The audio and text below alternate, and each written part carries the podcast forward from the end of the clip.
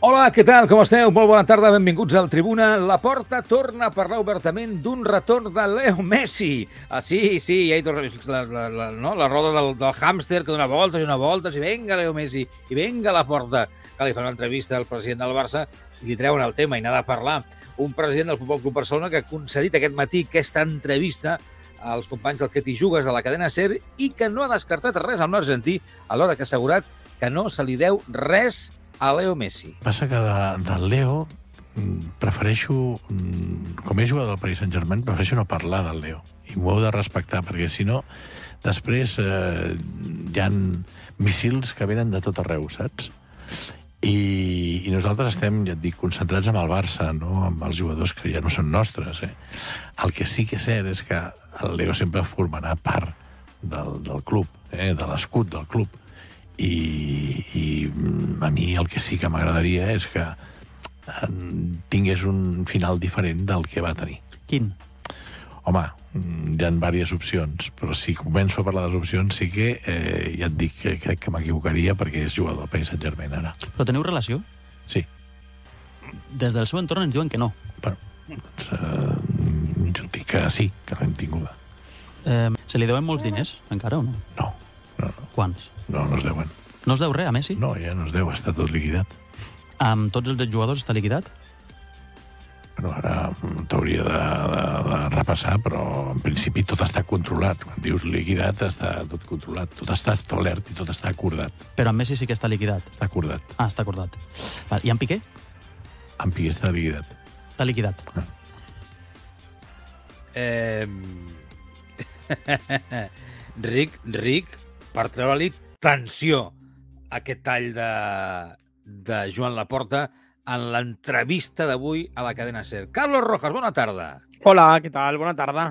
Bona tarda a tots i a totes. Estem fent el Tribuna Marca, Ràdio Marca, la ràdio dels esports, en directe mateix a Twitch, twitch.tv barra el Tribuna, també al Twitter del Tribuna Marca, eh, a partir de les 7 en streaming a Ràdio Marca i després, doncs, eh, el podcast, podcast.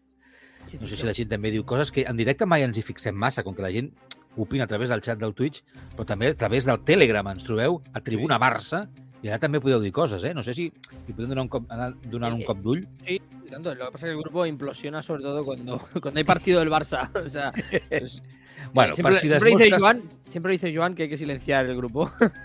Val, val, val, val. No, ho dic perquè si hi ha algú que igual deixa algun comentari interessant per allà, doncs el podem recuperar.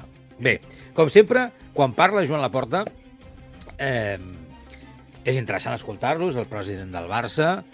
Eh, com tots, no és ni negre ni blanc, té molts, gri té molts grisos, no? El tema de Leo Messi, evidentment, és una... Jo avui, quan estava mirant l'entrevista, jo crec que és, és una llosa per ell. Ho serà tota la vida. Tota la vida. Eh, serà una cosa que te- s'eternitzarà i fins i tot, encara que aquesta temporada el Barça guanyi títols i, i la- i l'any vinent, em vaig a posar estupendo, eh? I l'any vinent, i l'any vinent guanyin el Champions, ja, tal, li seguirem preguntant des dels mitjans de comunicació a Joan Laporta per Leo Messi. Jo, això de sí, no? Perquè, com els companys de la SER li recordaven, i ell mateix explicava, doncs clar, la gent encara vol saber què va passar amb Leo Messi. Clar, la resposta no sé si... No, ja, L'ha explicat ell moltes vegades, no? La situació del club, la situació financera del club, la situació econòmica del Futbol Club Barcelona no va permetre en aquell moment que fos possible. I, com deia el president, avui de nou va posar per davant el club a un gran jugador del qual ell mateix deia doncs, que va plorar i es va emocionar quan va guanyar amb la seva selecció el passat Mundial, no? Perquè el Leo, el Leo és del Barça, el Barça del Leo, tota la vida i tal. Tot i que això, Carlos, amb aquest tall hi ha hagut cosetes que le, le hemos... O sea, se, com és la frase aquella que se pilla antes a un mentiroso que un cojo? Eh, Sí, sí. hi ha, clar, hi ha, hi ha, aquesta, per poco començar, cojo, eh? no, porta? clar, per començar hi ha coses estranyes eh, que, que no sé si és que està mentint o no diu la veritat o la diu a mitges quan parla, eh, per començar, quan se li pregunta per si hi ha relació o no hi ha relació. Perquè concloem que Joan Laporta diu, no vull parlar de Leo Messi, Leo Messi és un jugador d'un altre, d'un altre club, diu el tema dels míssils, ja entrem al que vol dir, no? una miqueta, per tant, no parlo d'un jugador d'un altre club, ara no me n'amago i dic que tant de bo, com hem dit moltes vegades al programa, suposo que tots pensem el mateix, la relació Barça-Messi algun dia acabi bé. Direm que ha sigut un coitus interruptus, també, eh? L'hem deixat a mitges. Hi ha hagut un KitKat, no sé, utilitzeu, no? La fórmula que vulgueu per dir que això no s'ha acabat. I és el que esperem, que algun dia s'acabi i es tanqui bé. Això no vol dir que, insistim, sigui com a jugador. I el mateix president no ha volgut donar o explicar no, quines són aquestes opcions perquè diu que ara no toca. I no, i no toca.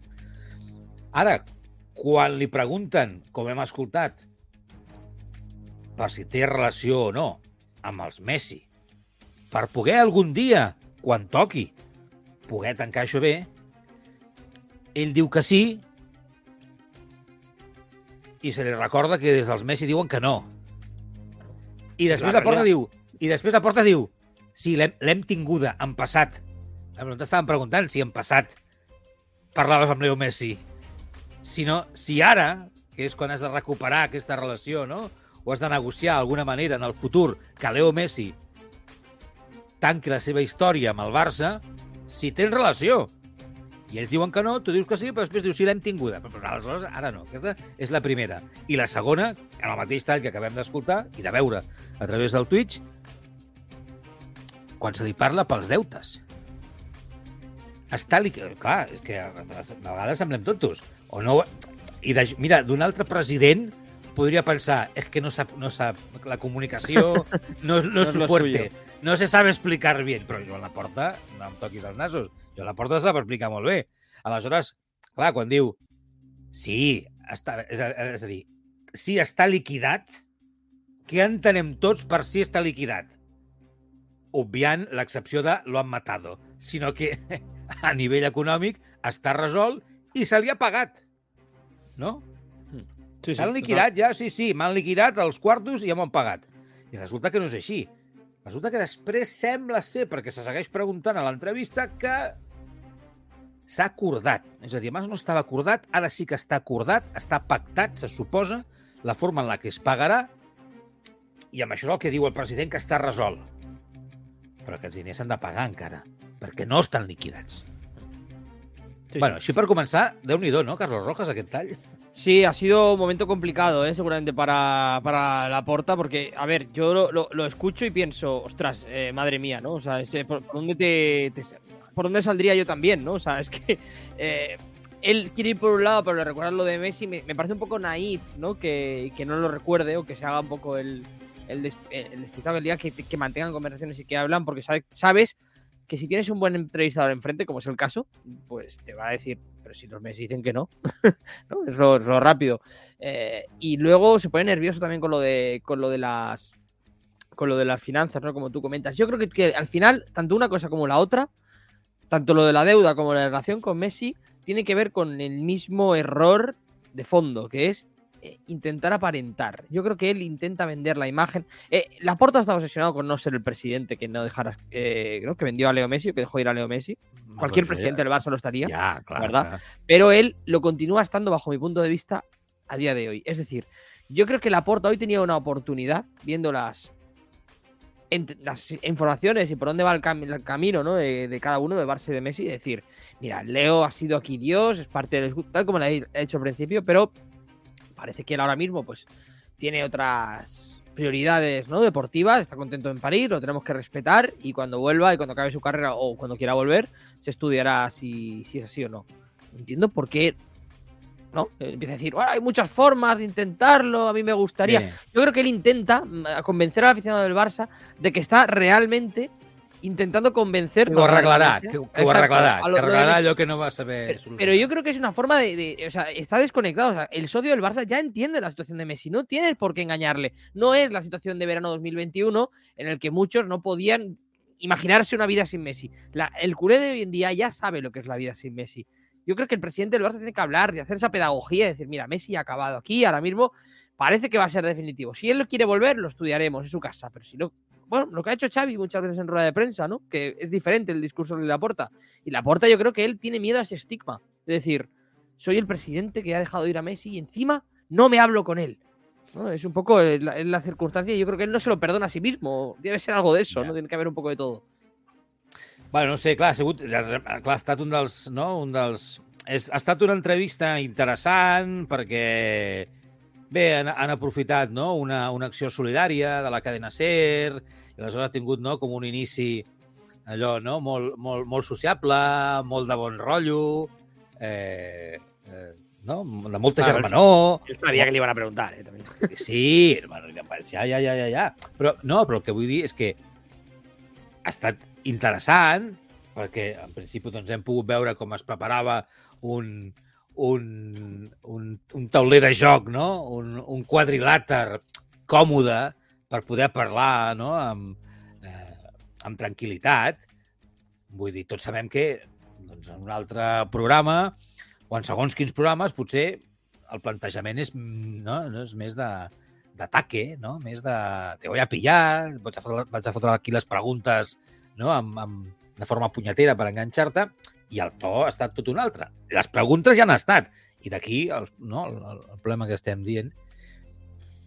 I aleshores suposo, la, suposo que la complicació de Joan Laporta, de, o com a mínim la dualitat que jo li he vist a Joan Laporta, com dèiem abans, no? entre alguns moments en el que deies, vale, aquí ho està controlant, aquí l'entenem, aquí ho explica bé, aquí potser es posa la defensiva, aquí no s'està sabent explicar, no ho sé. Bueno, ara anirem repassant tot. Vosaltres podeu dir el que, el que penseu sobre els diferents temes que anirem tractant eh, d'aquesta entrevista i d'altres en aquest eh, Tribuna Marca, eh, que durarà una horeta aproximadament. Per cert, avui estaran eh, la Jan Sánchez i el, i el Domènec Garcia, correcte? Aquí una estona amb Sí. nosaltres per anar a rematar una miqueta eh, aquesta setmana de Reis amb la porta i el Barça d'ahir. Eh, eh, eh, que en parlarem també del, del Barça de la Copa. Eh? Mira que jo li preguntava al Carlos ahir, bueno, finalment, qui serà més decisiu? Clar, Carlos, home, sempre és decisiu l'equip eh, gran, no? el que té la possibilitat no? de marcar la diferència. Sí, sí, però és que en aquest cas el Barça va ser decisiu, no sé si dir en negatiu, no? Però és que l'Intercity també va ser decisiu perquè va estar allà, no? Sí. Donant la cara. Però bueno, Era preocupante porque los tres eh, de la, de la defensa del Barça, tres eran titulares. ¿no? Solo el lateral derecho, que era Bellerín, que es un partido horrible, no era de los titulares. Eso, que bueno, sorpresa ahora- també, eh? Jo, amb tots els respectes, però clar, és que anem fent uns 11, que també és el que dèiem, no? Sí, sí. Bueno, no, no ho sé. Que- que- No, és el que deia jo ahir. Dic, si no estem convençuts, si juga, si juga gent que no té minuts, que no té la confiança, que, amb tots els respectes, no, ho ha demostrat i no, i no ens passa a tots amb, amb diferents disciplines. No ho sé, no? Eh, ostres, eh, no és el moment per, per jugar-te-la. Aquesta temporada no. Aquesta temporada s'ha d'anar eh, sancions a Lewandowski a part s'ha d'anar a, mu- no, eh, a muerte. S'ha d'anar a, a, a mort per aconseguir fer un bon paper, jugar bé, jugar amb efectivitat. Amb efectivitat, jugar bé, si pot ser, i amb efectivitat, sobretot, no? I amb tranquil·litat, i amb generar-nos, perquè ara m'he avançat, eh? he ficat ja el, tema, el tema, però, clar, hosti, ells els primers, l'equip, però després els aficionats, eh, no, no hem dormit tranquils, no dorms tranquil, no? És, no ho sé, hi ha una certa... Eh, doncs això, un cert nerviosisme de veure que davant d'un equip com l'Intercity, amb tots els respectes, doncs el Barça fa el paper que fa. Però bueno, a poc a poc, no ens fem mal. Seguim amb, amb la porta. Una porta que, que ha fet balanç del moment que travessa el club i ha parlat de tot. Per exemple, del mercat de gener, que ja s'ha obert. El president Blaurana no és massa optimista pel que fa als fitxatges. Ha demanat que no marxi ningú al mercat d'hivern. És així? Serà així? O Sí, el sí, club serà és- així. no hi haurà cap moviment? no hi haurà cap moviment, eh, llevat de si surt alguna cosa inesperada, que en principi no l'esperem. És a dir, eh, no hi haurà cap moviment en aquest mercat d'hivern i la feina ja la vam fer al- al- a l'estiu. Eh, tenim el- l'entrenador satisfet. Evidentment, som conscients que sempre es pot millorar i s'haurà de millorar quan toqui, però en aquests moments eh, pensem que aquesta temporada la podem afrontar amb la plantilla que tenim, amb certes garanties de, de tenir opcions per guanyar títol. Bé, Eh, una cosa que queda clara, Carlos, eh, sobre el tema dels fitxatges és que, com escoltàvem a Joan Laporta, ho dic perquè s'ha dit en més d'una ocasió, la feina a nivell de fitxatges s'ha fet, no? La inversió es va fer, i més enllà de cosetes puntuals que puguin acabar no? sorgint, o allò, allò, agujeros per a tapar, no? o jugadors que acabin sortint i tal i qual, eh, ara no serà el moment de fer cap fitxatge. Això ha quedat clar. Una altra cosa és si eh, considerem que Xavi Hernández està prou satisfet o no amb els fitxatges que se li han fet. No? Aquesta seria una altra cosa, però fins aquí això clar. Eh, I a partir d'aquí ha sortit un nom del que ahir parlàvem, que va semblar que era com un regal de Reis no? anticipat, de ai, mira que tindrem una, una sorpresa, una bona notícia, no? Doncs aquest nom en concret és el de Dembélé. Ahir us dèiem que el PSG, segons algunes informacions, li anava darrere. Doncs bé, atenció a la defensa que ha fet la porta del jugador. La porta ho té claríssim. Benta és un dels jugadors més importants que tenim. Ell se sent important, per nosaltres és molt important. Jo diria que és un dels puntals que, que té aquest equip, però té una velocitat extraordinària, és un llampec.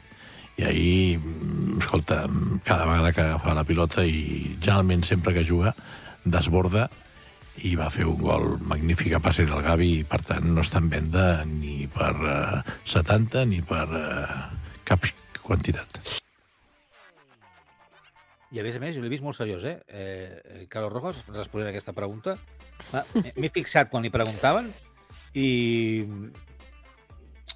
I, i jo crec que una, aquesta sí que era una de les que s'estava esperant i que li, li venia de gust respondre, no? O la tenia clara, com a mínim se l'havia sí. preparat amb el Departament de Comunicació. Sí, sí, esta la tenía clarísima. Yo, además, es un poco never, never, ¿no? En todo lo que estamos viendo con, con las salidas, también por De Jong y demás. Yo creo que el Barça sí que escucha ofertas eh, por algunos jugadores.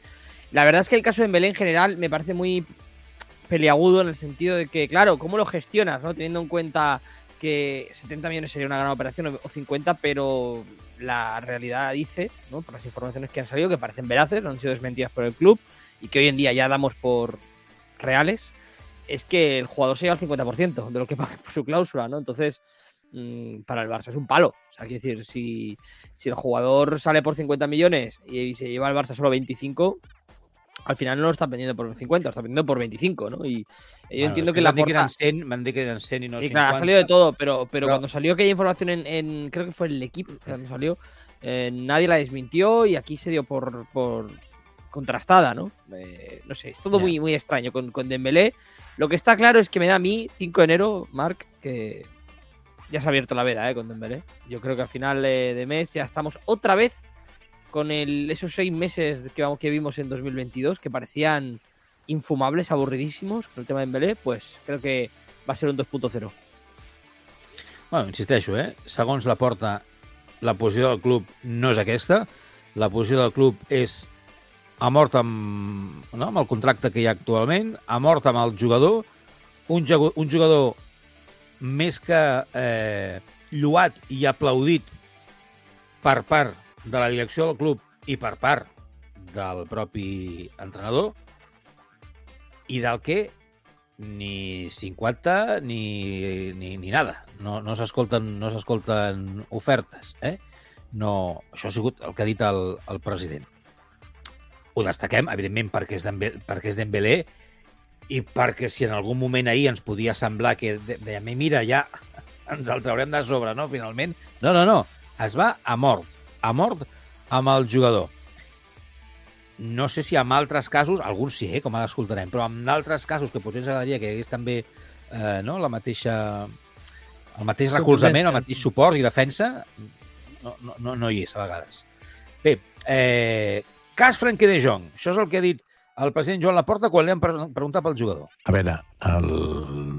és un jugador que té eh, un cartell molt important, perquè és un grandíssim jugador i té grups que estan interessats, però ja et dic, el Barça no el tenim en venda. Més enllà de les reunions internes del punt de vista tècnic esportiu que es poden fer des de la comissió esportiva, hi ha una opinió de, de club. I com a club no estan en venda. El que passa que Uh, no, no sé si penses tu el mateix, Carlos. Uh, el posicionament del club ara mateix amb De Jong és el que és perquè De Jong, en les negociacions passades, va actuar com va actuar, és a dir, no es va moure del seu lloc, no? de dir, jo me quedo aquí, jo vull jugar aquí, i esto es lo que hay, i a sobre semblava que, semblava ser, segons algunes veus, que la relació no era la millor del món, no? perquè el club s'havia mogut potser sense, sense l'autorització o sense aca- acabar-ho de comentar o de xerrar-ho amb el jugador. Això és el que es deien, que deien algunes informacions. I que un jugador del que hi havia dubtes, no? tot i els, com diu a la porta, tot i el, no? el, seu, el seu potencial, el seu nivell, el seu cartell, és un gran jugador, durant molt de temps ens ha semblat que no acabava d'encaixar amb el Sí. que vol eh, Xavi Hernández. I, Però clar, ara... Digues, digues. No, no, perdona, perdona. No, no, i ara finalment, en la situació que està el Barça, clar, jo tampoc em voldria desprendre de De Jong, ara mateix. Vull dir, ni de molts altres jugadors, perquè a més a més és que no es podrà fitxar. Per tant, si tens un bon jugador, ens el quedem i a treballar perquè la cosa surti bé. Però em sembla que és una posició a la que el club ja, ja ha arribat per la conjuntura, perquè les coses han anat com han anat. Yo creo que además, fíjate, parece que la respuesta que da de, de Jong y de Dembélé es la misma, pero no lo es. Porque con Dembélé dice, no, ni 70 millones, no, no es la misma. Eh, fíjate, con, con De Jong para mí hace un análisis más profundo, ¿no? que dice, más allá de lo que diga el comité, no sé qué, ¿no? y que hay clubes interesados en él, eh, es una decisión de club. Es decir, a mí me parece que, por ejemplo, cuando habla de Dembélé, esto es pensar mal, ¿eh? lo que voy a decir, eh, no es Joan Laporta el que da la cara, por decir, Dembélé se queda. ¿no? Dice, hemos decidido no venderle. Hemos decidido no venderle. Pero en el caso de De Jong, cuando él dice, es una decisión de club, más allá de lo que digan eh, y dictaminen, quiero decir, yo creo que es él el que está dando la cara. Yo quiero que siga De Jong, apuesto por De Jong, y el Barça como club quiere que De Jong siga.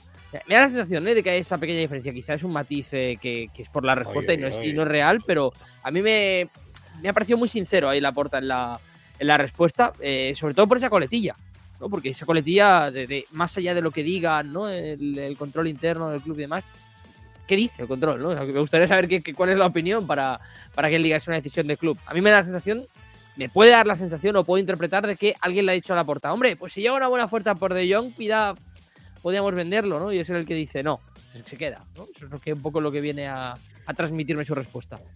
No ho sé, hi ha, hi contenta De Jong que... I, i amb la idea de fer-li de fer confiança eh, i de que tingui més minuts i de que és un jugador damunt del qual el Barça hauria de poder recolzar-s'hi esportivament, no? Eh, a partir d'aquí, les decisions del club, no sé què dir-te amb aquesta lectura. Ara ens has convertit a tots en, en Mércoles Poirot o el mentalista, Sí, o ¿no? ja... No, és que aquí ha Puñales por la dicho- espalda 3. Eh. ¿Cómo? Exacto. Eh, ¿has, has visto ya Glass Onion? ¿Es, es del...? Eh, No lo has visto. ¿O sí? sí, sí, está por la mitad porque eso Ah, pero no, no, saca, no, No me gusta tal. nada. Vale. Eh, eh, I ara ja... No, perquè aquí ha dit que el club i ell ha dit hemos, hemos, qui? Xavi? Xavi és el que defensa? Bueno, no ho sé. Eh, D'aquests dos noms, eh, com a possibles sortides, passem a dos noms com a possibles arribades.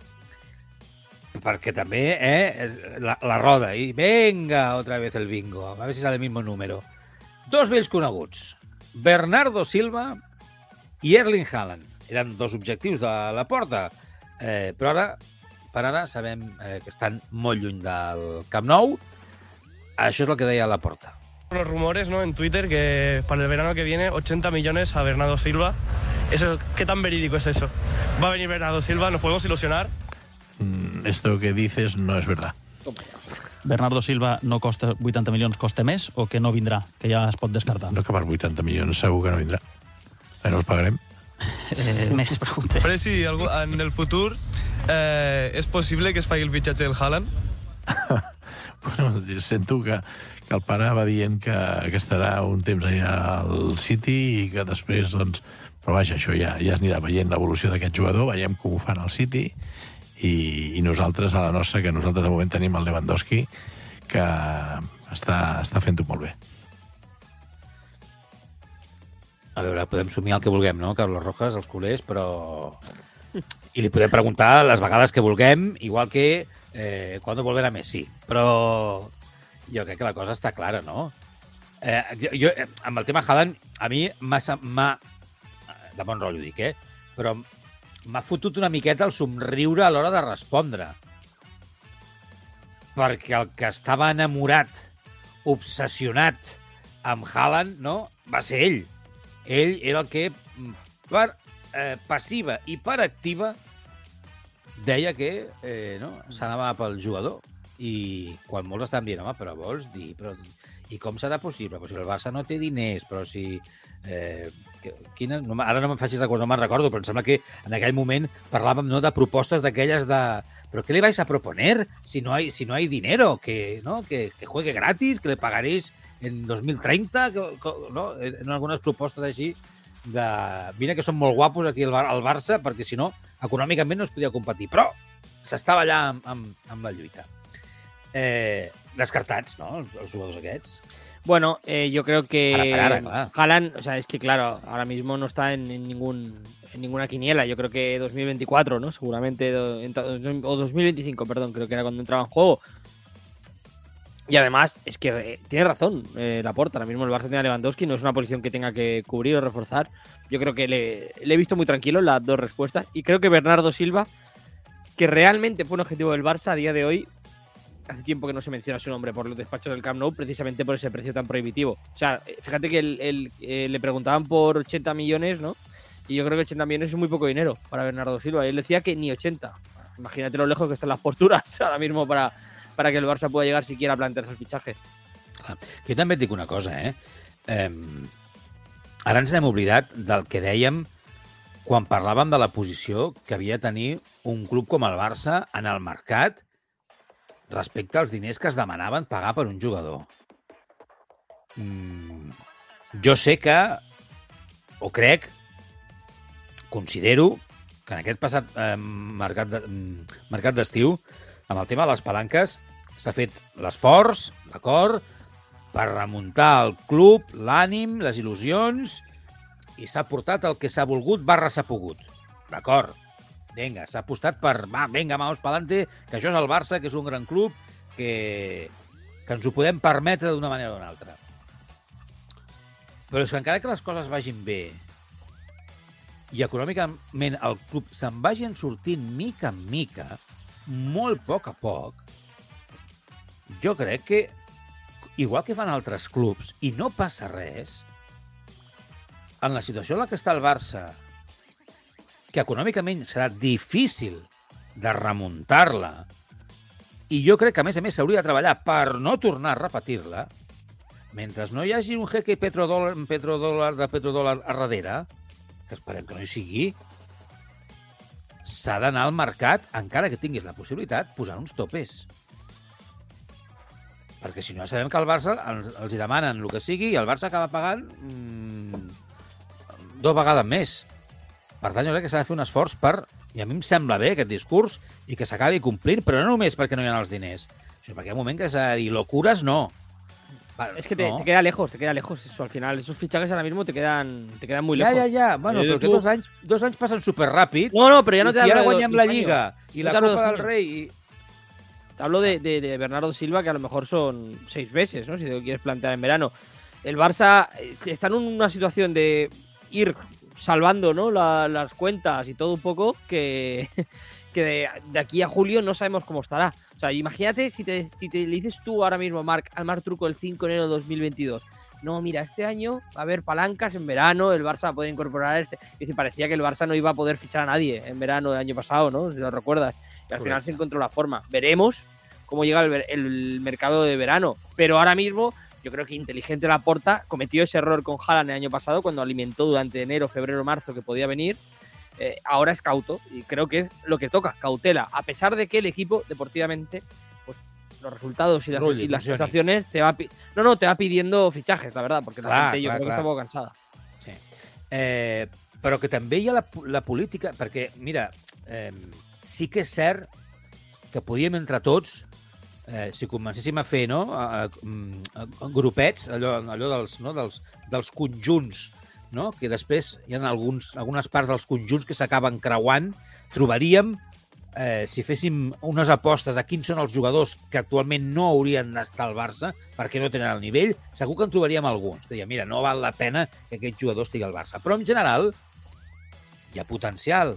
Per tant, apliquem d'una vegada, i això ho hem demanat nosaltres des de la ràdio, que es pot fer cas o no es pot fer cas, però els propis socis, en les reunions de, de socis del club, alguns d'ells també ho demanen. Si tens bona tela al taler eh, i tens bons jugadors i tens una bona pedrera, treballa amb això.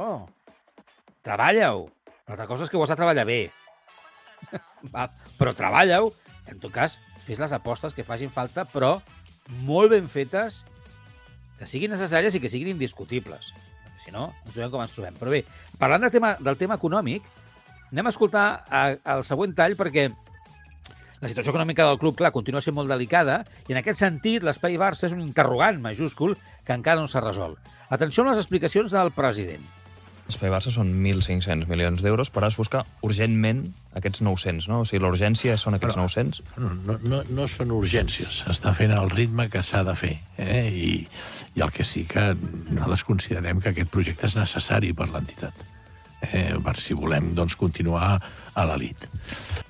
És a dir, el finançament de l'Espai Barça està concebut de tal manera que no comences a retornar aquests eh, diners eh, fins que estigui construït el, el projecte eh, i a partir del moment en el que es van generant ingressos per aquest projecte. I hi ha doncs, una part d'aquests ingressos que van destinats al retorn del finançament. Està molt ben concebut en aquest aspecte perquè no afecta al compte d'explotació del club, no afecta a la capacitat d'inversió del club, eh, per exemple, per millorar o fer més competitiu l'equip, i el que, doncs, aquí no hi ha cap garantia eh, patrimonial afectada directament a aquest eh, projecte i al finançament d'aquest projecte.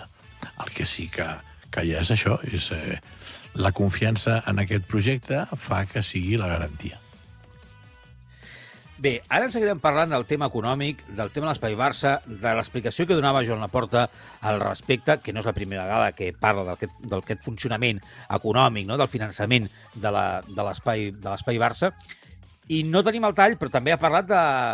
Quan hem preguntat pel tema de les palanques, hi ha hagut un moment que ha no? que dir, eh, no hi ha palanques, o sí que es podrien aplicar algunes palanques eh, determinades que fossin segons quins conceptes. Bueno, però eh, em salto una mica el, el guió, perquè ja tenim l'Adrián Sánchez per aquí esperant. Per tant, abans d'anar amb ell i amb el Domènec, que suposo que deu estar a punt d'entrar també, saludem el nostre amic i company, estudiant en pràctiques, el Joan Calaf. Hola, Joan, com estàs? Molt bones, Marc, Carlos. Anem, anem amb la informació que tens preparada, perquè el Barça i el Betis busquen repetir la fórmula Emerson amb una nova promesa brasilera. Explica'ns, explica'ns.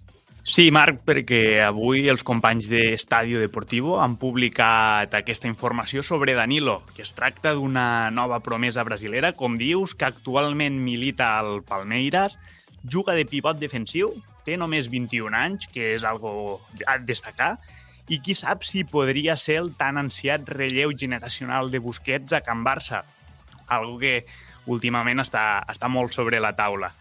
Actualment el seu valor de mercat és de 25 milions d'euros, segons Transfer Market, i per tal de minimitzar riscos en aquesta inversió, com tu bé anunciaves, Marc, eh, el Barça estaria disposat a repetir eh, l'operació Emerson amb un conjunt com el Betis, amb qui ja ho van fer, de manera que eh, el procés seria de la següent manera. El jugador signaria pel Barça, marxaria cedit a l'equip andalús i després o bé entraria en dinàmica de primer equip o si li trauria un rendiment econòmic, com es va fer amb el lateral brasiler, que recordem que va marxar al Tottenham eh, venut per 25 milions d'euros.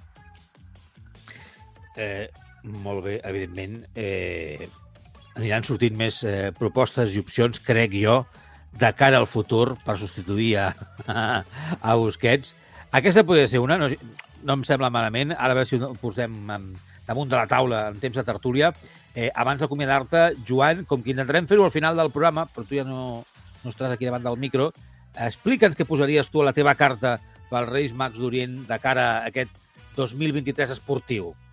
Doncs en clau Barça m'afegiria una mica al carro de Joan Laporta, que avui a la cadena SER ha demanat salut, en primer lloc, que després li han fet la conya de la salut econòmica pel club, evidentment, i en això li afegiria títols, que també també ho ha dit ell. d'una banda, si cau la Lliga, que, bueno, si és el, el títol més ansiat pel, pel conjunt blaugrana, doncs endavant, però després jo en això li afegiria competir a Europa. Crec que és una cosa clau per, per aquest proper any, perquè ja sigui a l'Europa League com l'any que ve en una futura fase de grups de la Champions, que es competisca tant a casa com, com a de visitants. És a dir, ser competitius a Europa, eh? Ser competitius a Europa. Molt bé, ho, has demanat, ho demanes tot, eh? Títols, ser competitiu a Europa... que portar Bueno, muy bien, Joan Calaf. eh. Si hi ha, si hi ha barra lliure, no? Després ja mos portaran el que mos portaran. Sí, després acaben portant calçotets i mitjons, ja ho sabem, els Reis Mags, però tu demana, demana... Y una que- eliminación en fase de grupos también. ¿eh? Y, y eliminaciones en fase de grupos, sí, sí, sí. Es lo que tienen los Reyes Magos. Ya no, no, no es lo de antes. Molt bé, gràcies, Joan, merci. Gràcies, que bé. vinguin Fins carregats. Això. Sánchez, ¿qué tal? Bona tarda. ¿Qué tal? ¿Cómo estás? Muy bien, aquí estamos. Gracias, gracias por conectarte. Eh, No sé si haces de paje tú hoy o algo, ¿no? ¿No? La gente esta tarde de jueves de Ni paje, de ¿no? paje, ni de paje ni de rey, Marc. No me Ni- quieren ni de paje ni de rey. No me, no me lien ja, que hi hago bastantes, bastantes coses. Bueno, escolta'm una cosa. Eh, abans d'entrar amb el tema econòmic, per rematar una miqueta el, les declaracions de, del president Joan Laporta que hem vist, que hem anat repassant de l'entrevista d'avui a la cadena SER. En general, tu, l'entrevista, tots els temes que s'han tractat i com has vist el president, com, què t'ha semblat? Quin balanç fas? Pues me, me ha, me ha parecido que, que, que, bueno, que ha ido mediando el discurso, que te acuerdas al principio de las tertulias decíamos, hemos empezado demasiado arriba, ¿no? Y ha ido quizá, yo qué sé, amoldándolo más a la situación, pero lo he visto muy confiado y lo he visto muy seguro, la- las cosas como son, Marc. Lo he visto eh, con un mensaje claro y creo que empezamos a ver una realidad del Barça diferente, ¿no? No va a haber fichajes, la cosa económica está mejorando, pero bueno, calma. Entonces, creo que por fin estamos dándonos de bruces con la realidad, que creo que también era bastante necesario en algunos momentos y quizá nos hemos, entre todos, ¿eh? yo el primero, todos nos hemos ilusionado en demasiado. Así que yo hago un balance bueno, creo que es un buen mensaje porque creo que es un mensaje realista. Missatge realista del president. Tot i que t'ho pregunto a tu, perquè Sí. hem obert el programa parlant del tema. El Domènec també està per aquí. El Domènec ja tenim el Domènec Garcia. Ah, vale, vale. Domènec, bona tarda. Bona tarda. Què tal? Bon any, eh? Bueno, bon any a l'Andrián també i al Domènec, Bé, que no bon ens any, havíem i- saludat.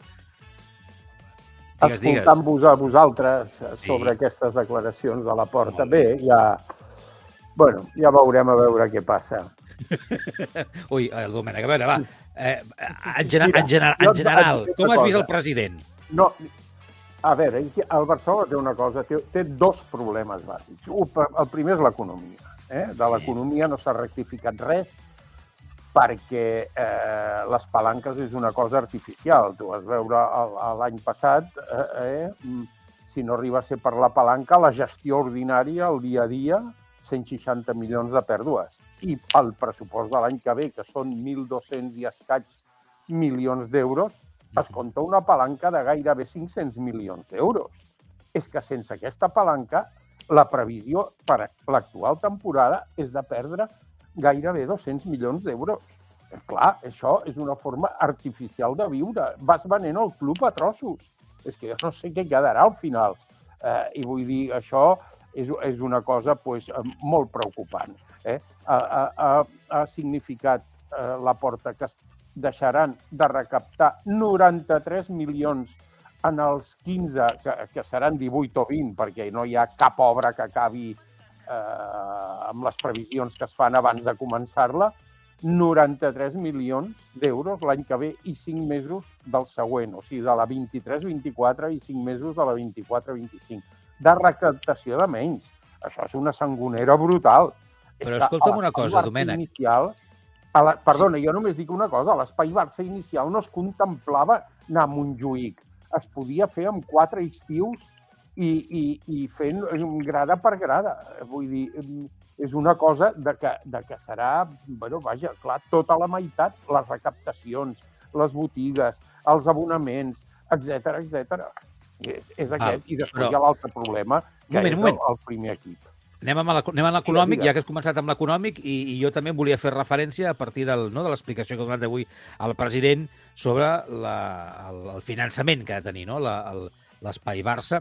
Eh, eh, perquè jo, jo et veig molt pessimista, et veig així, el 2023 de moment no, no, no t'ha servit per, per dibuixar un somriure a la, a la teva cara, Domènec, et veig molt pessimista. Home, no. Eh, per- perquè, home, amb el tema econòmic del Barça sí, però, eh, és a dir, què s'ha de fer diferent? És a dir, tenint en, en compte eh, com hem arribat, l'herència que ens hem trobat, o que s'ha trobat el club o, o, o, la, o la junta directiva de, de, de la Porta, una vegada hem pres la decisió de tirar cap endavant i d'utilitzar les palanques, quin era l'altre camí o quin és el camí diferent per no estar en la situació econòmica en la que, en la que s'està. El president reconeix que, tot i que és complicada, mica en mica es va millorant, però bé. Mira, jo, jo no tinc accés als comptes i, per consegüent, no puc dir el dia, em sembla que va ser 4 de març o 7 de març, que vam prendre possessió eh, de l'any 21, eh, o sigui, aquest març vinent farà dos anys, i, i no he tingut accés a, en els números exactes ni en l'auditoria d'aquesta temporada ve especificat el que es cobra per Spotify d'una manera explícita. Es diu en l'auditoria del Barça que s'ha firmat amb Spotify i se'ls ha donat el nom del camp, la samarreta dels homes, la samarreta de les dones i no sé quantes coses més, i no ve ni una quantitat, ni els anys de durada, etc etc. Vull dir, és una opacitat total. Jo m'he llegit, és un llibre de, de, de tota l'auditoria i fins i tot ho he consultat amb amics, en aquí és que no s'explica res de res. Però al marge d'això, al marge d'això, anem a veure. Si tu dius que has guanyat, com van dir, 130 milions d'euros la temporada passada, venent-te eh, el, el 25% dels drets de televisió, això vol dir que l'any que ve reconeix que seran 93 milions de despeses, o sigui, de, de recaptació de menys, haver d'anar a Montjuïc, a les que es tindran que sumar la quarta part dels drets de televisió, que són, aquest any, 160 milions, és a dir, 40 milions més. O sigui, la recaptació de menys deguda a les palanques, més anar a Montjuïc, són 30, 130, reconegut pel president, eh? 130 milions d'euros menys de recaptació. Si aquesta temporada que ve li treus la palanca de 500 milions, la recaptació és de, 8, de 700, no arriba a 800. O sigui, la recaptació serà anar a Montjuïc de, de 600 milions si arriba eh, d'euros, de, front a una despesa reconeguda per al pressupost de la temporada que ve de 960 milions d'euros. Això són números, això no són opinions, eh? No. Domènec, m'hauries eh, m'hauries avisat m'hauria portat la calculadora al programa d'avui. Però, val, però, No, ja, ja, no, però, ja. Bueno, sí, sí, però no, però és que em, em, em, em, port, em portes a un cul de sac que no sé què més que xapem, xapem ja, Pues tan, mira, tanquem, jo- dius, tanquem, fet? no Jo- juguem i fem un altre Marc, club nou, perquè ja... Marc, Marc, jo no tot tinc... és una merda, Marc, no? perdona tot, un moment. tot, és, tot està tapat, no es Marc. veu res, els diners... Però, quina, però, no, no, cap, és veritat. Tot això si cap on ens... Però, ja, però vull dir, Un dia aquí fem un programa sobre l'auditoria. cap a No on ens porta això? Especificat a l'auditoria, que- a ja, l'acord de Domènec, Spotify, però que és Domènec, el sí. principal sponsor. Però, molt bé, però cap on... Però què vols dir amb tot això? Que l'any que ve Home, vull dir... no hi haurà diners per pagar la llum? fet jo. Perdona, perdona, Marc. Tu m'has dit que hagués fet jo cas d'haver tingut que agafar la, la, els números del Barça. És que no he tingut accés als números del Barça ni mirant l'auditoria. Vull dir, és que i sóc soci del Barça i, i, i, i la vaig anar a buscar, l'auditoria aquesta. Vull dir que hi ha una opacitat total. I segon, ha reconegut en aquesta entrevista a la porta, a part d'aquests 93 milions, que els senyors de Goldman Sachs estan buscant un, eh, bueno, un, un, un inversor per l'espai sí. Barça. Goldman Sí. Sachs ha passat a ser que era ja l'inversor de l'espai Barça d'intermediari per buscar un inversor. I el que han fet d'enderrocar un tros de la tercera graderia del Vol Sur és per mostrar en els que tenen que mossegar l'am de que això va en sèrio. Dic, miri, veus, ja han començat les obres, però Val. s'han aturat. Només han tret un, un, un tros de, de la tercera graderia i s'ha acabat, com a testimoni de que hi ha voluntat de fer-ho. Però és que no hi ha finançament per l'espai Barça. Un moment, Domènec, deixa'm, deixa'm posar-li una mica d'unicornis a tot això, a veure si l'Adrián és capaç i, i, i, i m'equilibra una miqueta. Tu veus tan negre, tot això? No, yo sobre todo pienso como, como tú, Marc, creo que estamos en, una- en un proceso malo, muy malo, que viene precedido por una herencia mucho peor, que a veces se nos olvida reconocer que esto no es culpa de la actual directiva, sino de la anterior. Creo que a veces se nos olvida y hay que decirlo más esto. Entonces, estando ya como estamos, estando mal, eh, faltando todo lo que falta y sabiendo todos los problemas que los sabemos y los sabemos y los leemos y los repetimos cada día, creo que lo que hay que hacer es mirar hacia adelante y cogerse al poco brote verde que haya. Quiero decir, si estamos todo el día diciendo se ha ido Messi, se ha ido Messi, por ponerte un ejemplo, se ha ido Messi, nunca superaremos la marcha de Messi. Entonces, si estamos todo el día diciendo no tenemos dinero, no tenemos dinero, no tenemos dinero, creo que tampoco mejoramos. Yo pienso que el trabajo que se está haciendo es, no sé si suficiente o no, porque no soy economista, es el necesario, según a mí me cuentan, para intentar salir de esta zona negra, vamos a llamarlo así, de la mejor manera posible. No sé si más rápido, no sé si más lento, y no sé, eh, porque ya te digo, no soy economista, ni números ni no números. Lo que sí que sé es que hay gente que está trabajando para intentar superar un bache que, repito, no se ha buscado ellos. O sea, están solucionando los problemas todavía de los anteriores. Entonces, a partir de aquí yo soy más optimista. Yo soy de los que piensa que hay que mirar hacia adelante. No sé, yo no pienso que, que tengamos que cerrar, como decías tú ahora, ¿no? Bueno, pues cerramos, ¿eh? hacemos el Intercity 2 y, y nos vamos a otro Ah, sitio. ah, soy de los que que hay que verlo de otra manera. Clar, perquè amb, amb el tema de l'espai Barça, jo, clar, jo sóc del, suposo que com tots, no? Vull dir, eh, el Camp Nou és un lloc eh, mm, espectacular, màgic, que quan entres i t'apropes es, es posen el, els pèls a punta, no? I més si hi ha partit i veus el partit i... Bueno, és, és tal. Eh, i, i, i, I suposo que a tots ens fa il·lusió poder tenir un camp nou més xulo, Correcte. més nou, més modern, més gran, amb, no? i que a sobre sigui tot un espai de recreatiu, d'oci, de, no? que tot allò sigui l'hòstia. Bueno, no sé, a mi m'agradaria, no ho sé, no? Ah, clar, tot això és eh, tirar coets a l'aire, no? Eh, somiar castillos en l'aire, perquè es necessita, evidentment, una gestió econòmica, una inversió, no? uns calendaris, un procés on tot això estigui, estigui ben fet. I clar, quan t'escolto, Domènec, que no et trec la raó, eh, però quan t'escolto, dic, bueno, però tot això, què, què m'estàs volent dir? Que això s'enfonsarà? Que la, renova, que la, que la remodelació de l'estadi es quedarà a mitges? Ens quedem amb el forat aquest que han deixat sense la grada i no es podrà acabar? A- a veure. tots allà pujant a Montjuïc, plovent i tots allà... Marc. Marc, jo Digues. només t'he parlat de números, i els números no són opinions.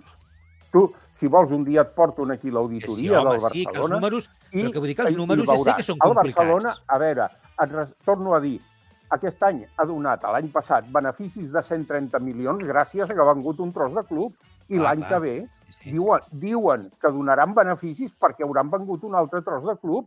És com si tu dius, ostres, m'he comprat un cotxe, però sí, t'has venut el pis i te n'has anat a viure de lloguer. El patrimoni del Barça està amenaçat. Jo, una de les solucions, i ho vaig escriure això, que vaig apuntar en el seu moment, és dir, senyors de socis del Futbol Club Barcelona, la cosa està Cagueu molt vosaltres. greu. En aquí tenim un problema econòmic gran. Jo vos proposo capitalitzar el Futbol Club Barcelona amb una emissió d'obligacions eh? Eh, que vostès subscriuran per recapitalitzar el club. Aquesta subscripció d'obligacions serà canviable per accions del club, és a dir, accions reals del club, el, els socis seran que inverteixin en el Barça propietaris del club i aquesta inversió tindrà 5 anys de carència, a fons perdut de 5 anys de carència. A partir dels 5 anys començarem a donar interessos eh, del 2, 3%, etc etc. M'entens? O sigui, a- això bé sigut una solució, de dir, senyors, el futur del soci del Barça és ser propietari del club, perquè l'economia està molt malmesa. Però aquí el propietari del club serà el senyor Goldman Sachs. Això està telegrafiat que serà el senyor Goldman Sachs.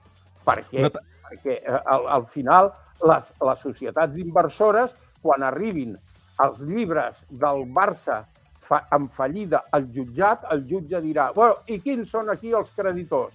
Que aixequin la mà.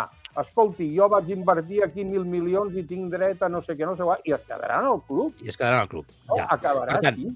Val, per tant, ho rematem aquí, aquest tema. El, el, el No, no, Domènec però creu... t'agrada la idea de convertir el Barça en- en No, no, això ja pues no els hi han reclamat ni un Ah. euro en els socis. Per què? Perquè l'operació encoberta és quedar-se amb el Barça a través de, de, de l'inversor del Goldman Sachs de turno, home. Si això està... És que, vaja, mira, a l'estadi es va construir gràcies a les aportacions de socis. I l'ampliació del 82 es va fer eh, que també va pujar lo seu, gràcies a l'aportació dels socis. Aquest cop el soci està bandejat total i absolutament no es compta amb el Val. soci per res.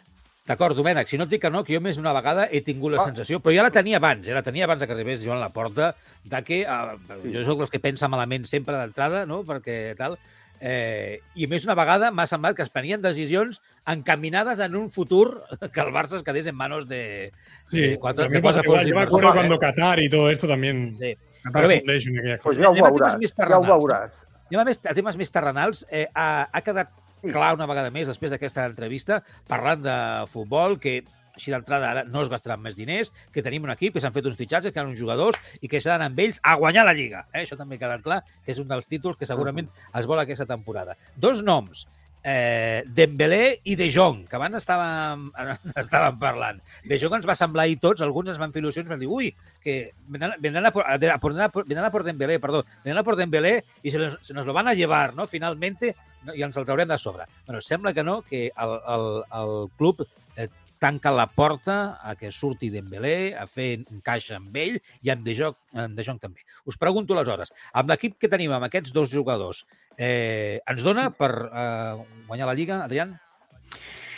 Eh, debería, debería, Marc, debería. Yo esto sí que, que creo que, que es así. De hecho, podemos estar de acuerdo más o menos en que a lo mejor en invierno tú ficharías, me lo invento, un central, yo un lateral, eh, Domènech o, o Carlos, un pivote, da igual. Algún no ho farà, parche, eh? pero, pero de cara, de cara a lo que decía el presidente, que no va a haber fichajes, considero que la plantilla debe ser más que apta. De hecho, tenemos, no sé, Lewandowski, que todos sabemos que es un gran goleador.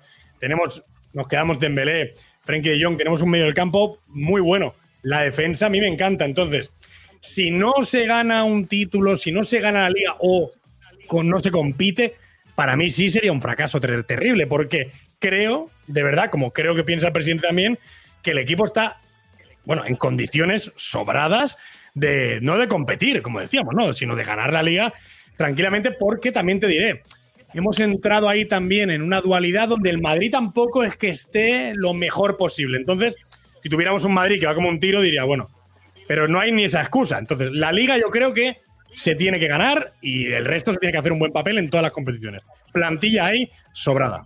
Domènec.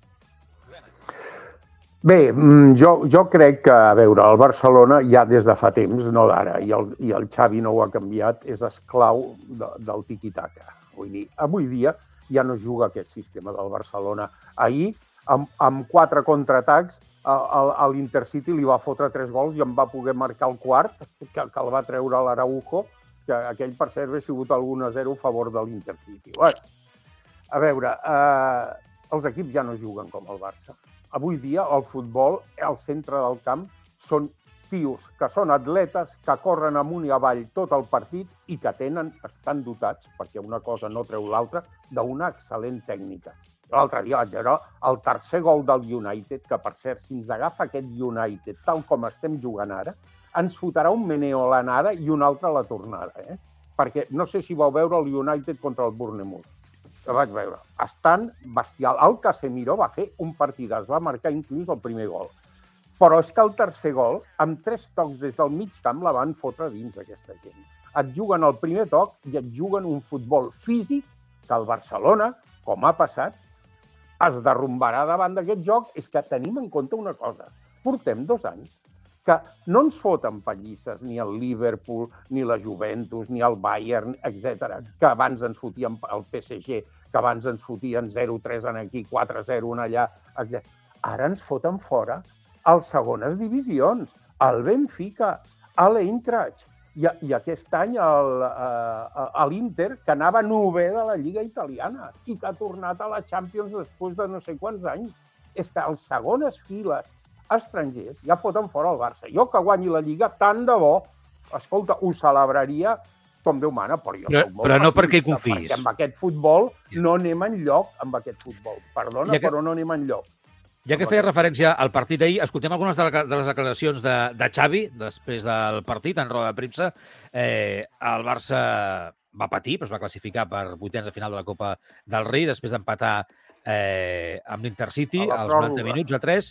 Ansu Fati va donar la classificació, però el Barça a la pròrroga. Xavi feia aquesta valoració en de premsa, deia això. Sí, sí, totalment d'acord. Hem concedit massa en un partit que teníem controladíssim. Ens ha passat una mica com el dia de l'Espanyol, no? Eh, el no sentenciar el partit, hem tingut el 0-2, l'1-3, fins i tot el 2-4, i bé, hem concedit massa. Crec que hem, hem, hem estat bé en el joc i hem fallat en les àrees, no? tant en atac, fallem massa. Crec que hem de ser més efectius i després avui a l'àrea nostra no hem estat bé, no hem estat bé. No hem, no hem tapat centros, no hem defensat bé eh, l'àrea, eh, hem concedit massa. I no només els gols, sinó que han tingut dues ocasions més, per tant, en aquest sentit no podem marxar contents, no? Satisfets pel, pel resultat, evidentment, estem a vuitens, pel joc, sí, prou bé, però hem de ser més contundents. Ens falta aquesta contundència tant en, en atac com en defensa per sentenciar els partits. Bé, no anaves al tall de la contundència, però aquí ja en parlava, no? perquè em va parlar després, no? de, de que faltava aquesta contundència. Eh, a mi, últimament, Xavi, en roda de premsa, m'agrada pel fet de que el veig una mica més autocrític que temps enrere, i això ja em mola, perquè dic, bueno, vale, si ho reconeixes és que està clar, que ho veieu i que vaig a treballar-lo, no? I que esteu pel tema. Eh, però bé, també parla de, de bon joc en els partits, quan finalment després tens un equip com l'Intercity, que, tots els respectes, que no et passa la mà per la cara, però t'ho posa molt difícil i gairebé t'elimina, que va, va d'un no? pèl.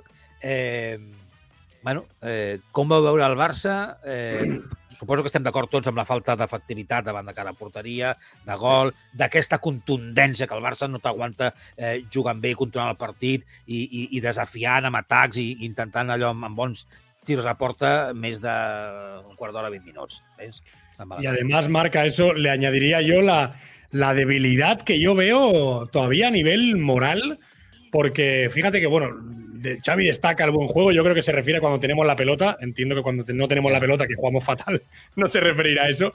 Eh, fíjate que veo todavía cuando nos marcan un gol, da igual el equipo que sea, el Inter, lo que decía Domenech ahora es verdad, ¿eh? Benfica, el Intercity, da igual, enseguida el equipo se desploma y eso es algo que también eh, viene achacado pues, por todo esto. ¿no? Claro, si, si te falta moral, te falta contundencia y te faltan un montón de cosas.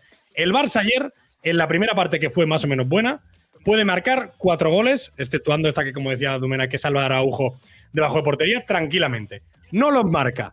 Te marcan uno y parece ser que ya tienes que ir corriendo, que vas a perder, estás en la final de la Champions. O sea, de una ansiedad y un desmorone que no lo entiendo. Y fíjate que yo, como tú bien decías, antes lo achacaba a Xavi, que te acuerdas que decíamos aquí en verano, es que habla de cosas que luego no vemos.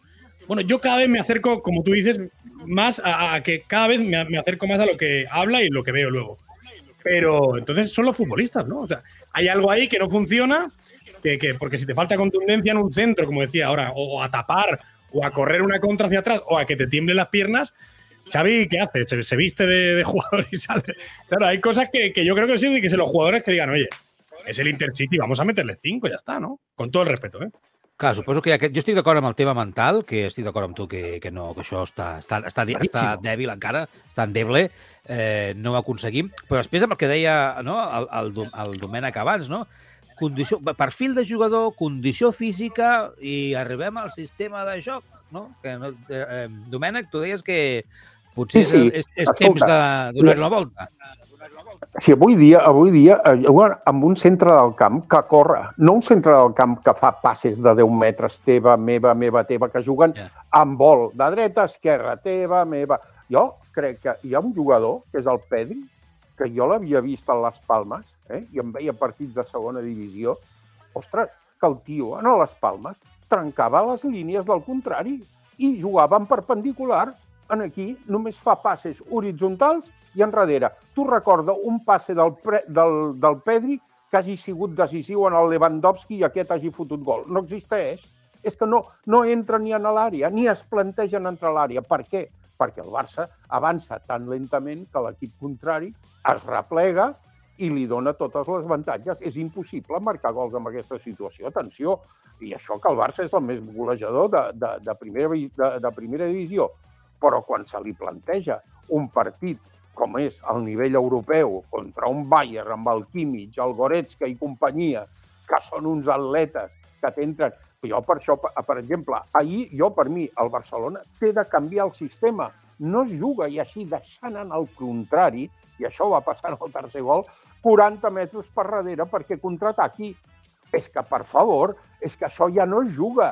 És que el Barcelona l'agafen en el contraatac cada dos per tres amb, tots, amb, amb, amb, amb aquest sistema. El Barcelona ha de posar la defensa on l'ha de posar i ha de intentar que, al contrari, surti de la seva àrea per trobar espais, perquè és que és impossible trobar espais. I ahir, tot i això, que van fer quatre gols, però contra l'Espanyol un gol i de corna. És que no van fer un gol de jugada. I el primer gol d'ahir també va ser de corna, que no va ser de jugada. I clar, si contra l'Intercity no fots gols de jugada, és apaga i vámonos, que es diu. I per això jo considero que el Barcelona, per exemple, als mig del camp, el que no pot fer, i va fer contra l'Espanyol el Xavi, és l'única trenca línies del mig del camp, que és el de Jong, va i el fot fora. Hòstia, li va fotre un regal a l'Espanyol a bodes me convides, que diuen en castellà. M'entens? L'única trenca. I jo jugaria en el centre del camp ja que s'acabi aquest tiquitaca del dimoni i comenci a jugar el de Jong i el que sí, eh? que ahir el que sí va fer feina per darrere i per davant però no jugant amb passades de, de 5-10 metres cada una, com és teva, meva, meva, teva, i al contrari, mentre estan posant gent a dins de l'àrea i en allà no hi ha qui entri. Que s'acabi el tiquitaca del dimoni, que està Domènec. oxidat, que és inútil, que, que el Barça viu d'aquest record del Cruyff i tal, i, bueno, i, i a l'equip es va ensorrant. I et dic, ara els segones divisió d'Europa són els que ens foten fora d'Europa, tu.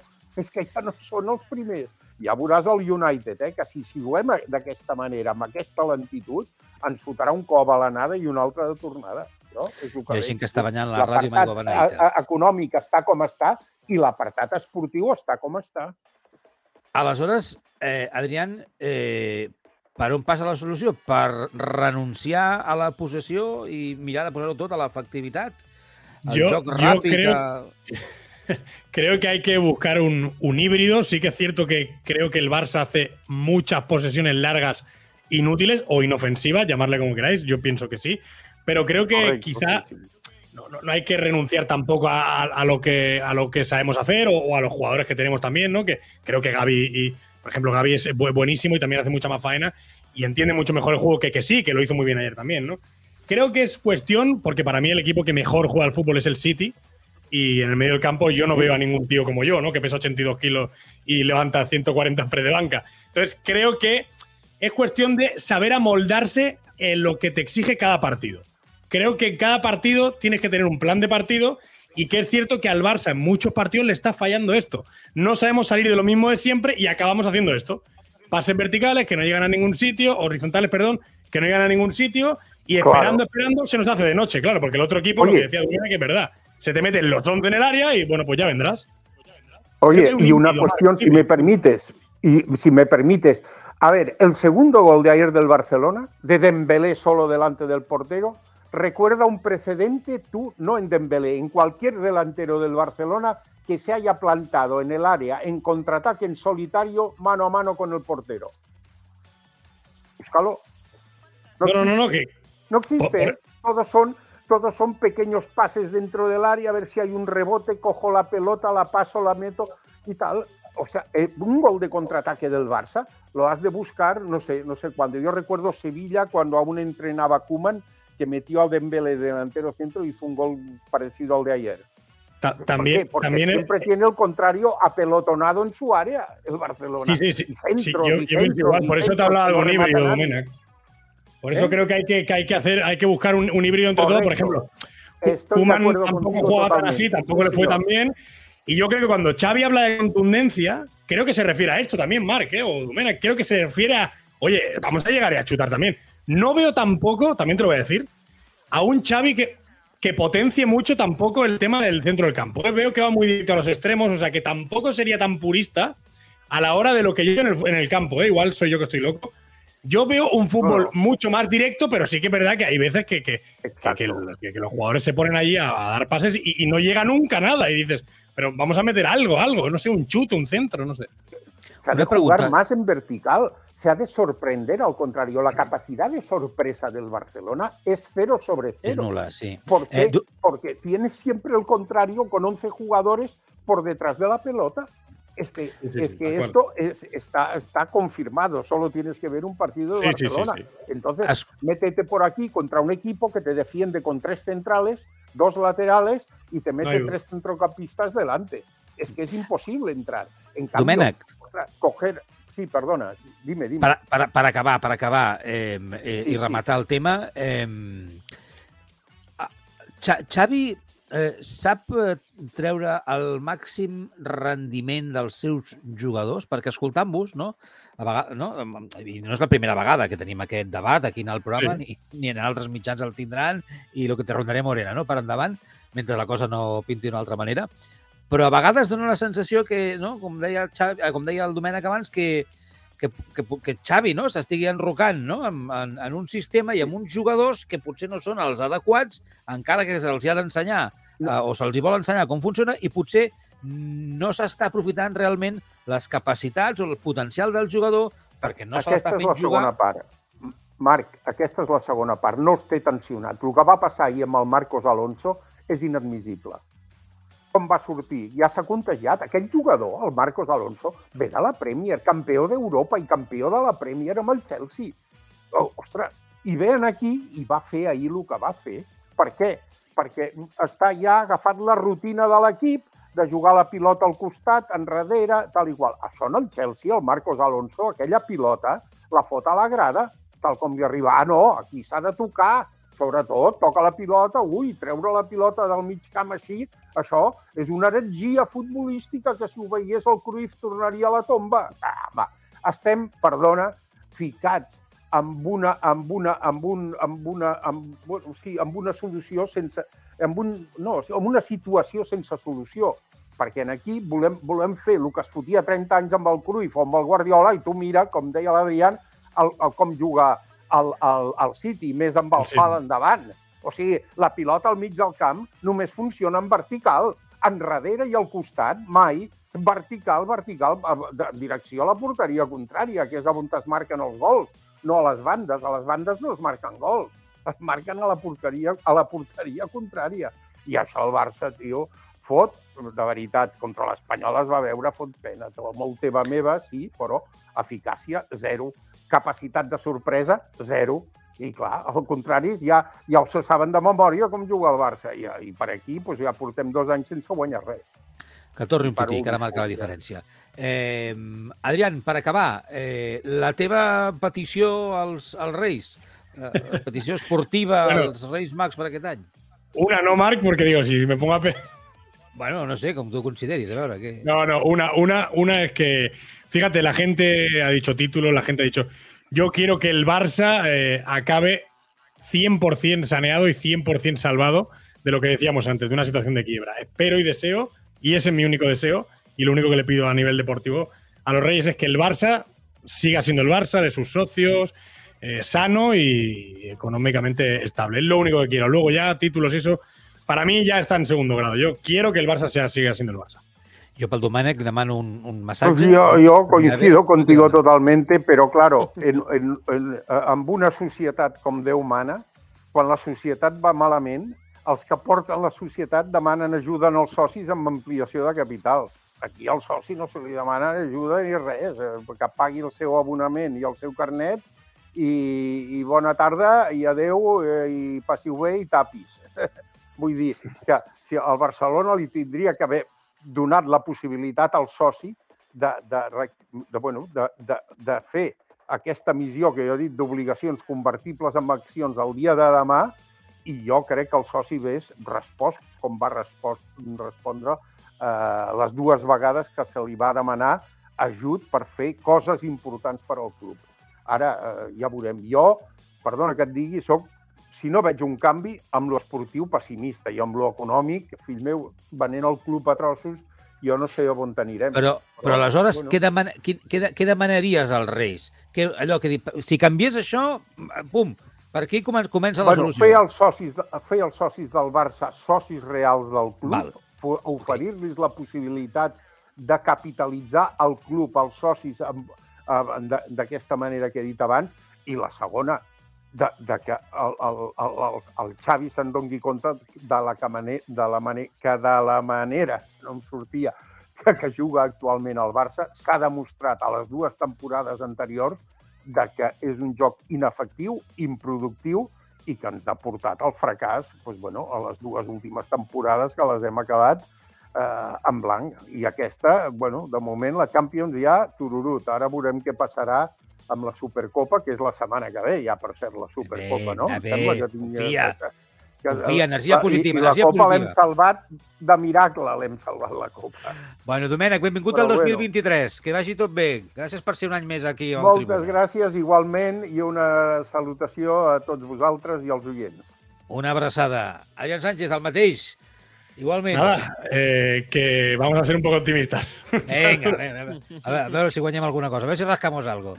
Gràcies, una abraçada. Merci. Un abrazo muy grande. Adéu. Abans d'acabar, anem... hi ha hagut molts missatges des que hem començat el programa, però, Carlos Rojas, eh, la gent haurà pogut dir de tot i més respecte al Barça, a Joan Laporta, a Xavi al sistema de joc. Per on comencem? Vamos leyendo. Por ejemplo, Tugromi decía de la porta, qué pesado con Messi. Es Messi quien no quiere ni verlo. Cap Magic 1976 apuntaba, molt passat amb Messi. No cola, va ser ell qui el va fer fora. Eh, mira, lo que decíamos antes, ¿ves? que se le queda la etiqueta. LBS 1987 decía, buenas tardes. Hoy en el grupo de Telegram hemos comentado los métodos de Xavi de motivación al equipo con cenas y demás. ¿Qué os parece? Bueno, pues Eh, yo creo que el método de toda la vida, ¿no? El de las cenas. A ver, a mí lo que me, me- me chirriaba un poco era el, eh, los challenge estos que puso, ¿no? Eso me, me chirriaba un poco más, que entiendo que es por donde va LBS, ¿no? Pero vamos, entiendo que, que, que haya cenas para hacer piña y demás, sí que me parece bien. Clar, saps, saps què passa? És que mm, a mi em, se'm fa una mica estrany imaginar-me realment quin és el, la problemàtica a l'hora de treballar com un equip i de, i de generar germanor a dins del vestidor. Perquè des de fora, des de fora, jo pensaria, hosti, una persona jove eh, que té la gran qualitat i capacitat i voluntat de jugar a un esport d'elit, de fer-ho bé i que el fitxi al Barça. Que té la sort de tenir un contracte de jugador del Futbol Club Barcelona. Que juga amb els millors del món. I que treballa amb els millors del món, no només amb els jugadors, sinó amb l'estaf, amb els staff tècnics que tenen allà tal igual. Que té la, la capacitat, la, la possibilitat de participar en les competicions esportives en les que participa, que són lo más, se'm, se'm fa estrany que... Per què no? O sea, ¿dónde está el problema? Us han de convidar a sopar per, per saps? Per sentir Bueno, pero es un poco la dinámica. A, a Que ver, ya lo sé, vestuarios que vist des de fora, han, han vist des de fora, és, hòstia, no, Sí, sí, claro. a partir d'aquí, a partir d'aquí, doncs, doncs no ho sé, cenes, doncs no sé, si els jugadors els has de fer cenes, vull dir, segur que el dia a dia han de treballar, han de fer coses conjuntes, no sé, eh, lo dels càstigs, els càstigs, de, no, no, no ho sé, no ho sé. Un sí. fa estrany això, però bueno, vinga, aquí Todo més. tiene tres, sí. Señor, señor Bully decía, El bullying. Es muy triste, sí. Es muy triste que el Intercity tenga mejor entrenador que el Barça. en fin, que vaya lo mejor posible en la temporada. Paco 70 PCN decía, no hay pasta ni fair play, ens esperan uns anys de fitxatges a cost zero o no vendrá ningú. Sabio Culé apuntaba, aunque para tener jugadores y hacer el papel que, te- que hacemos y no ganar nada, vendo a la mitad de la plantilla, de Jong, a Dembélé, a Ansu Fati, a Gavi, a Ferran y a Rafinha y rebajo a la mitad la deuda. Fíjate, una solución aquí sa- sa- solució salomònica, però escolta, però sí. són bons jugadors. Fins i tot el Dembélé, que ens, que ens tal, no? Hosti, el Fati, eh, és que clar, sí, jo el que, el que dèiem abans, si tenim... No, no, vull dir, no, és com dèiem, com dèiem, o sigui, han de treballar potser més, d'una altra manera, han d'entendre el futbol o practicar un futbol potser eh, diferent, saber eh, com eh, enfrontar-se a cada un dels equips, eh, treballar més efectivitat, han de treballar aquestes coses, però te- tenim bona, no sé, no? Hi ha, hi ha bona matèria prima per treballar. Sí, sí. Eh, por ejemplo, mira, Sportswing que decía, si se hace de una forma porque se ha hecho así, si no se ha hecho así, porque no se ha hecho. Mucho capitán a posteriori. Estamos de acuerdo que ayer nos estuvo bien, pero yendo a algunos, parece que estemos últimos en Liga, fuera de Copa y Supercopa, ya eliminados de Europa League. Y un último comentario, dividido en tres, de Papi Venga. Jefazo, que tiene para mí el mejor Papi, eh, nickname eh, de todos, Papi, Papi Jefazo. Decía, Rashford 25 años, Jorginho 30, Sergio Guardiola 28, Daichi Kamada 25, Gundogan, Aguar, Arambarri, Di María, Marco Royce, todos salen libres, todos por 100 millones tienes a los 9 jugando el año que viene por el precio de Bernardo tienes a 9. I ala, si... Ho, Estaria hecha la, la, la planificación deportiva. Sí, que a veure si uh, avui el, el president del Barça a, a la cadena SER no? de, li preguntaven si, si consumia mitjans de comunicació, no? si llegia la premsa, veia la tele, la escoltava a la ràdio, etc etc. I home, que potser puntualment, perquè massa temps no tenia, però que el departament de premsa de comunicació ja li deu passar els ràports no? habituals, els informes de que han publicat esto, han dicho esto, eh, tal i qual. Doncs, eh, que li passin, no? El- Lo que se el li- report el de- tribuna marca Papi jefazo. Papi jefazo eh, us ha dado la solució. Bueno, molt bé. Eh, eh, Carlos Rojas, què li demanes als, als Reis? Clar, no sé, ja, jo no ni de pel Barça. Eh? ¿En, en mi vida o en, o en la. No, o-. No, no, no, no, dic que ni pel Barça. Ah, deportivamente, bueno, pues yo creo que lo mejor ya lo hemos dejado atrás, que era el Mundial, ¿no? Eh, Tenía muchas ganas yo de, de Mundial. Yo le pido otra Champions del Madrid, ya que estamos, ¿no? ¿Pero para qué quieres, pero para qué quieres otra? ¡Qué pesados! Hacer otra cosa. ¡Qué coñazo con la Champions del Madrid! ¿quieres, quieres hacer una Superliga, pero no se puede? Ai, bueno, no sé. Eh, jo, més que títols, la veritat us, us ho dic, més que títols, perquè els títols serien conseqüència de... Jo li demanaria que, com dèiem abans, jo crec que el tema econòmic es gestioni bé i surti bé i, i no ens aboqui a Sí. problemes eh, pitjors i que, esporti, i que esportivament es trobi el, el camí, el, es faci el clic i es trobi el, el camí per ser efectius, per jugar per jugar ma- maco i divertit. No dic que hagi de ser el tiqui-taca, eh? No, dic maco i divertit.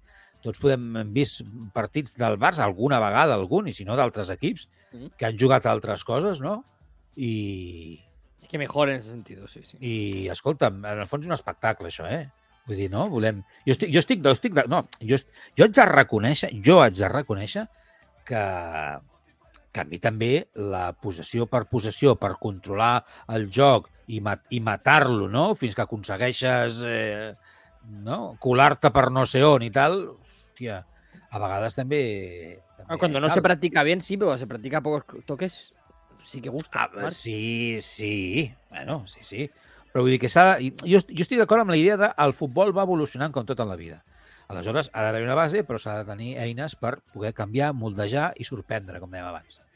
A veure si ens escolten, els Reis, els Reis Mags. Gràcies a tots per ser-hi.